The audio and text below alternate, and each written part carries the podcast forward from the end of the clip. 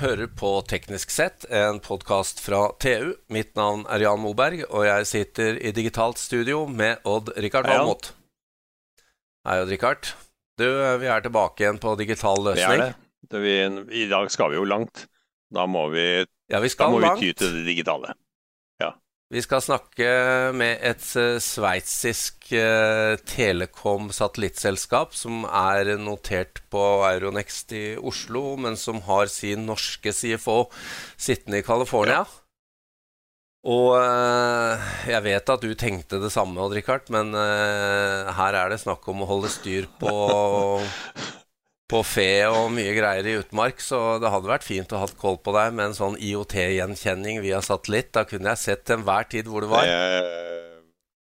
Det, og sendt deg nye beskjeder og instrukser om hvor du skulle. det er mulig å fikse det på Google Maps, Jan. Det er litt enklere. Nå skal vi snakke om et nettverk med eh, nanosatellitter.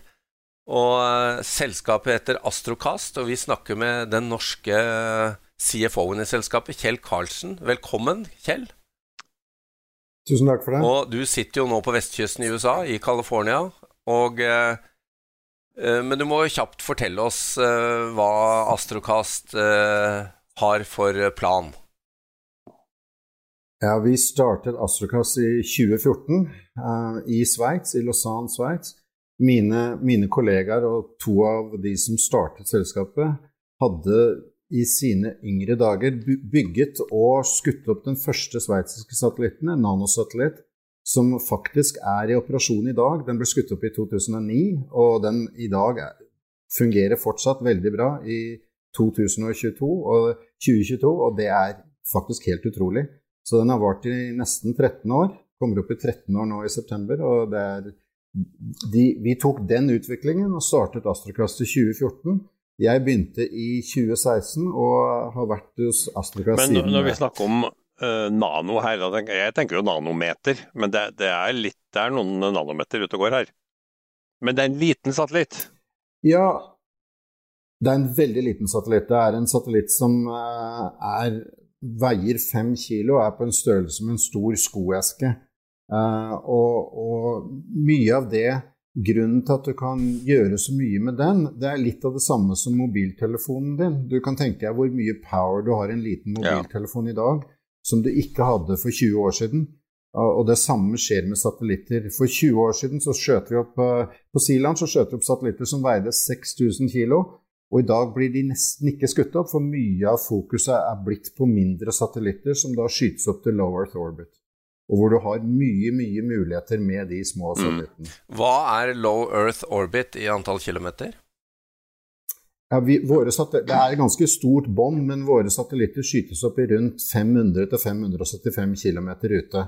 Eh, hvis du tar et eksempel, så tror jeg eh, Space Station den opererer rundt 430-440 km, så vi er, vi er over den.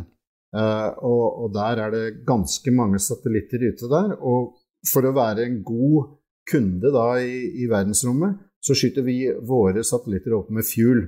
Vil si at vi kan styre de, og vi kan ta de ned når livstiden er over. Ja. Nå er det viktig, Kjell, vi nevnte innledningsvis at uh, dere skal ha en rekke av disse satellittene i orbit, og at det dreier seg om eh, data til og fra IOT-applikasjoner. Litt mer konkret, hva er det vi snakker om? Ja, altså vi bygger, et, vi bygger en konstellasjon av opptil 100 satellitter som opererer i, i 8-10 forskjellige planes. Det vil si at når du har 100 satellitter, så kan du kommunisere um, fra din PC eller fra en sensor på et produkt ute et eller annet sted i verden.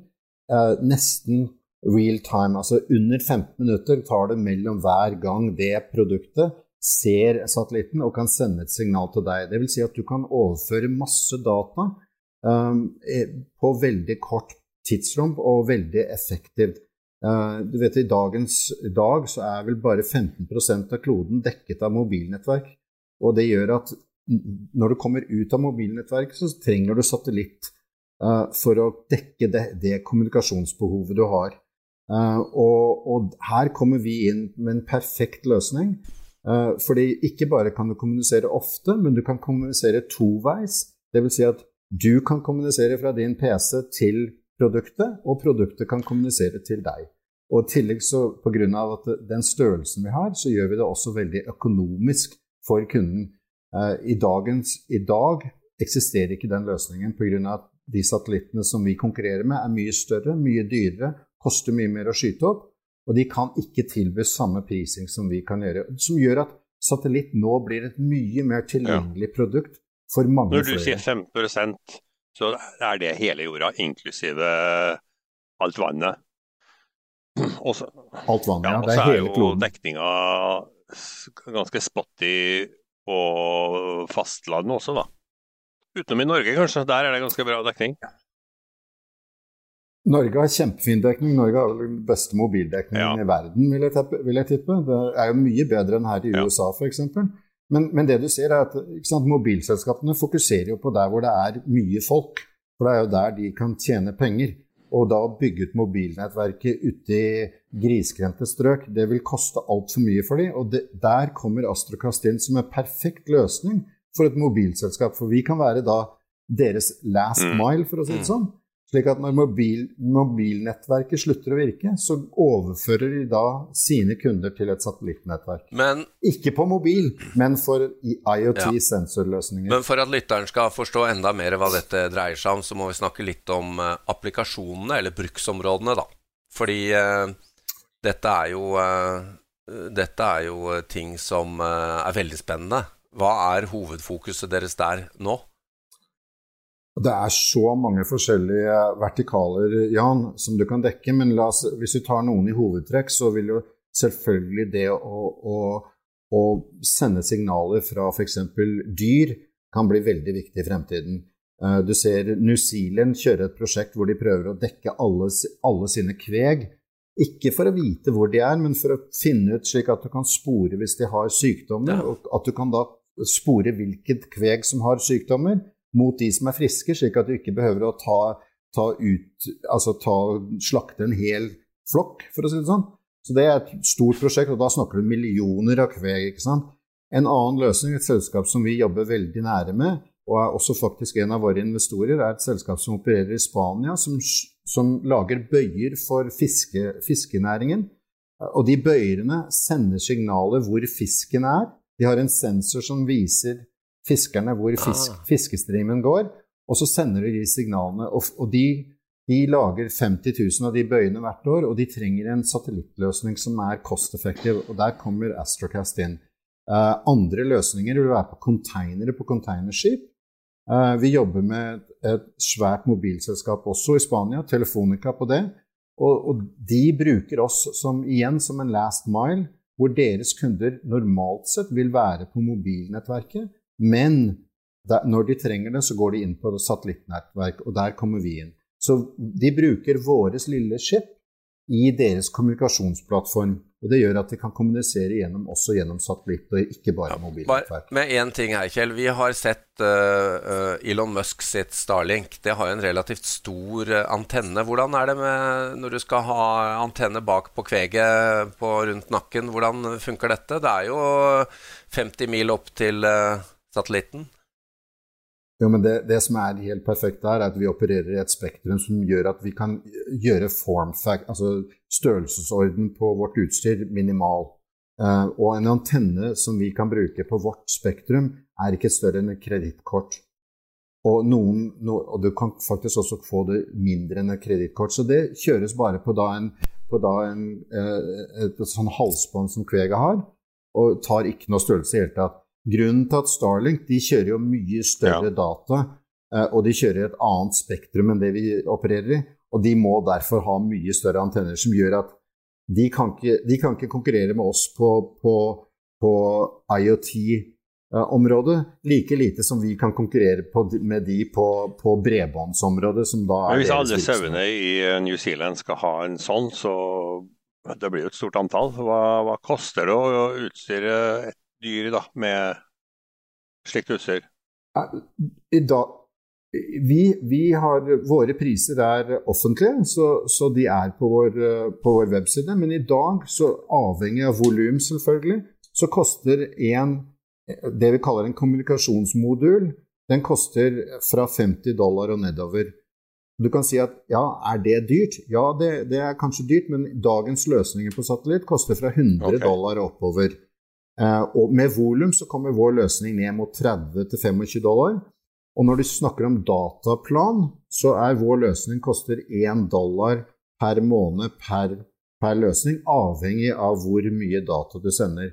Men f.eks. for, for kveg, vil, kveg eller sauer så vil du ikke sende data kontinuerlig. Du vil sende kanskje fire-fem ganger i løpet av en dag.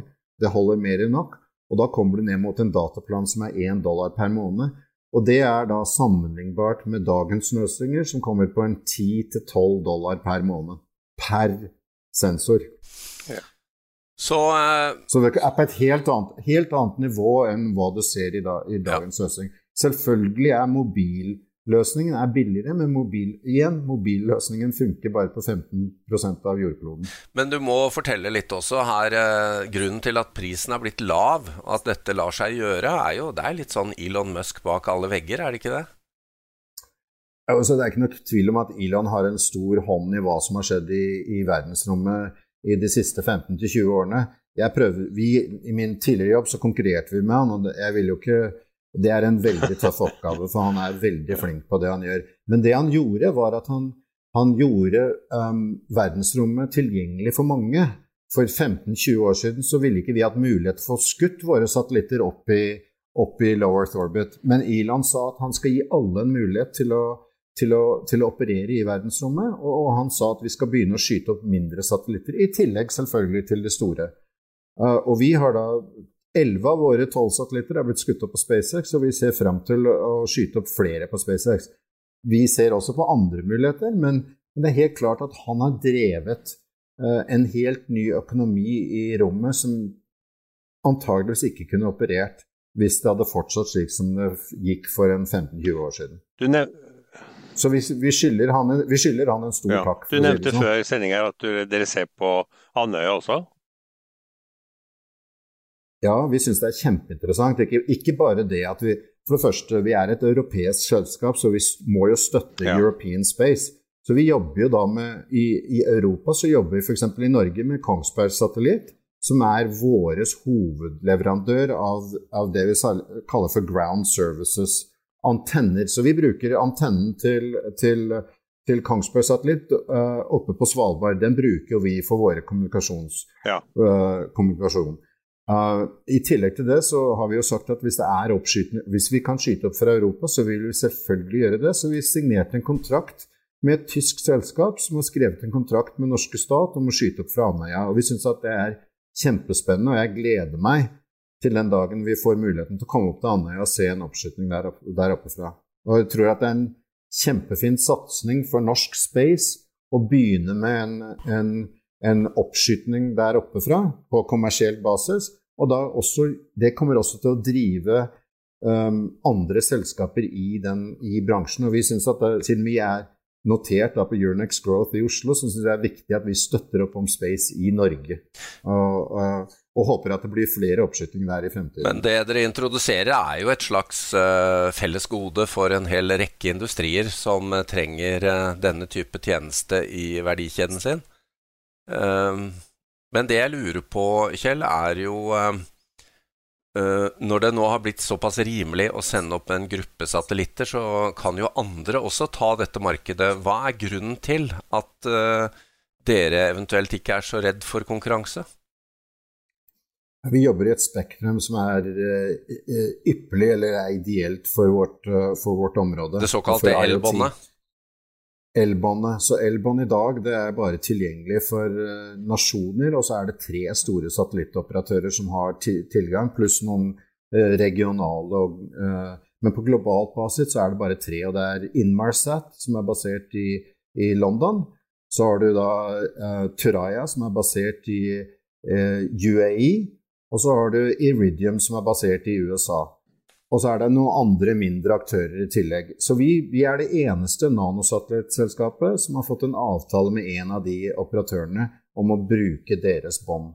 Og det ser vi som helt kritisk, fordi det gir oss en mulighet til å lage et veldig lite produkt. Og det gir en mulighet til å også kommunisere på en veldig effektiv måte. Og i tillegg til det så begynte vi veldig tidlig å jobbe med Airbus. Airbus har jo sammen med oss eh, lagd kommunikasjonsprotokollen fra, moder, fra modemen til, eller fra the module til, til, uh, til satellitten. Og, og, det er helt klart at når du har de partnerne som vi har, så føler vi at det er en stor, stor fordel.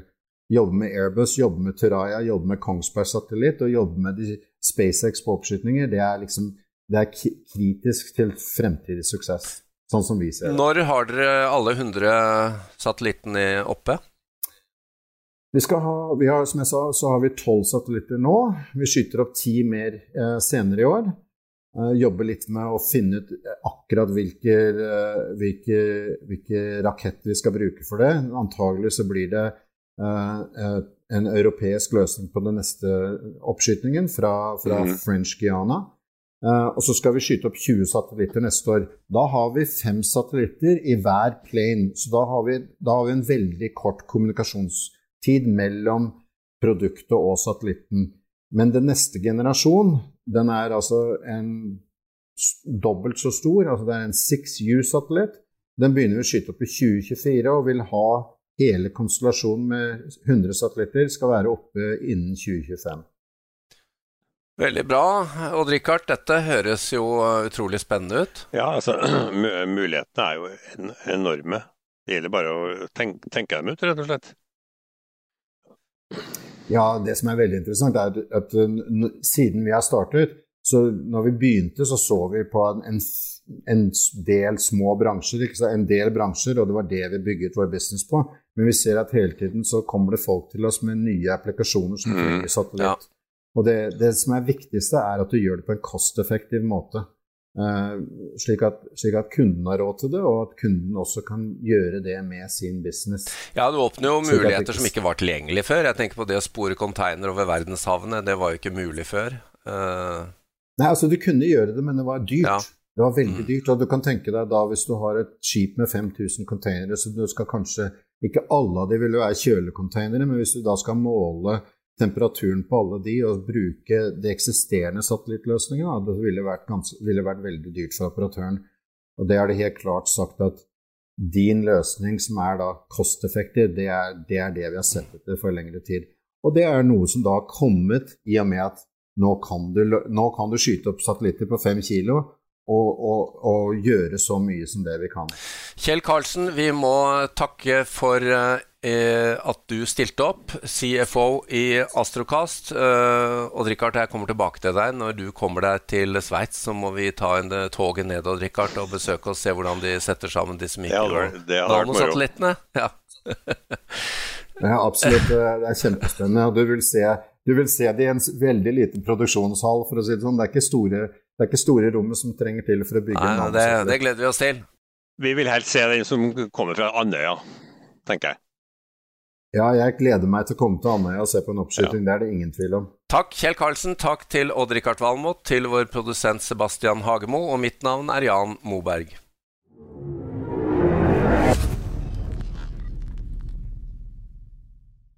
Hallo? Jeg kommer fra Oslo politikammer. Ine Jansen er purk. Er du purk? The motherfucking bitch. Alt jeg vil, er å finne ut hva som skjedde med mannen min. Jon Carew. Er jeg sikta for noe? Iben Akeli. Det er du. Ole So, Lars Berrum og Big Daddy Karsten. Hvem sin side er du på, egentlig? Anette Hoff, Tone Danielsen. Kommer du fra Afrika? Jørnis Josef. Nesten Kløfta. Trond Espen Seim. Det er synd å si det, men det var feil mann som døde. Purk. Premiere søndag på TV2 Play. Har du et enkeltpersonforetak eller en liten bedrift? Da er du sikkert lei av å høre meg snakke om hvor enkelt det er å sende faktura med fiken. Så vi gir oss her, fordi vi liker enkelt. Fiken superenkelt regnskap. Prøv gratis på fiken.no. Driver du en liten bedrift? Da tenker du sikkert at dette er en reklame for fiken. Men det er det ikke, for vi er Folio. Folio er en banktjeneste for bedrifter, og vi er fikenbrukerne sin absolutte favoritt. Med Folio får du nemlig en superenkel nettbank og kjappere regnskap. Dessuten får du påminnelser om alt du ellers må huske på. Med Folio er alt samlet på ett sted, og du får umiddelbart kontroll over utgifter og kvitteringer. Besøk folio.no og se hvorfor bedrifter foretrekker oss fremfor de store bankene. Folio smartere enn banken.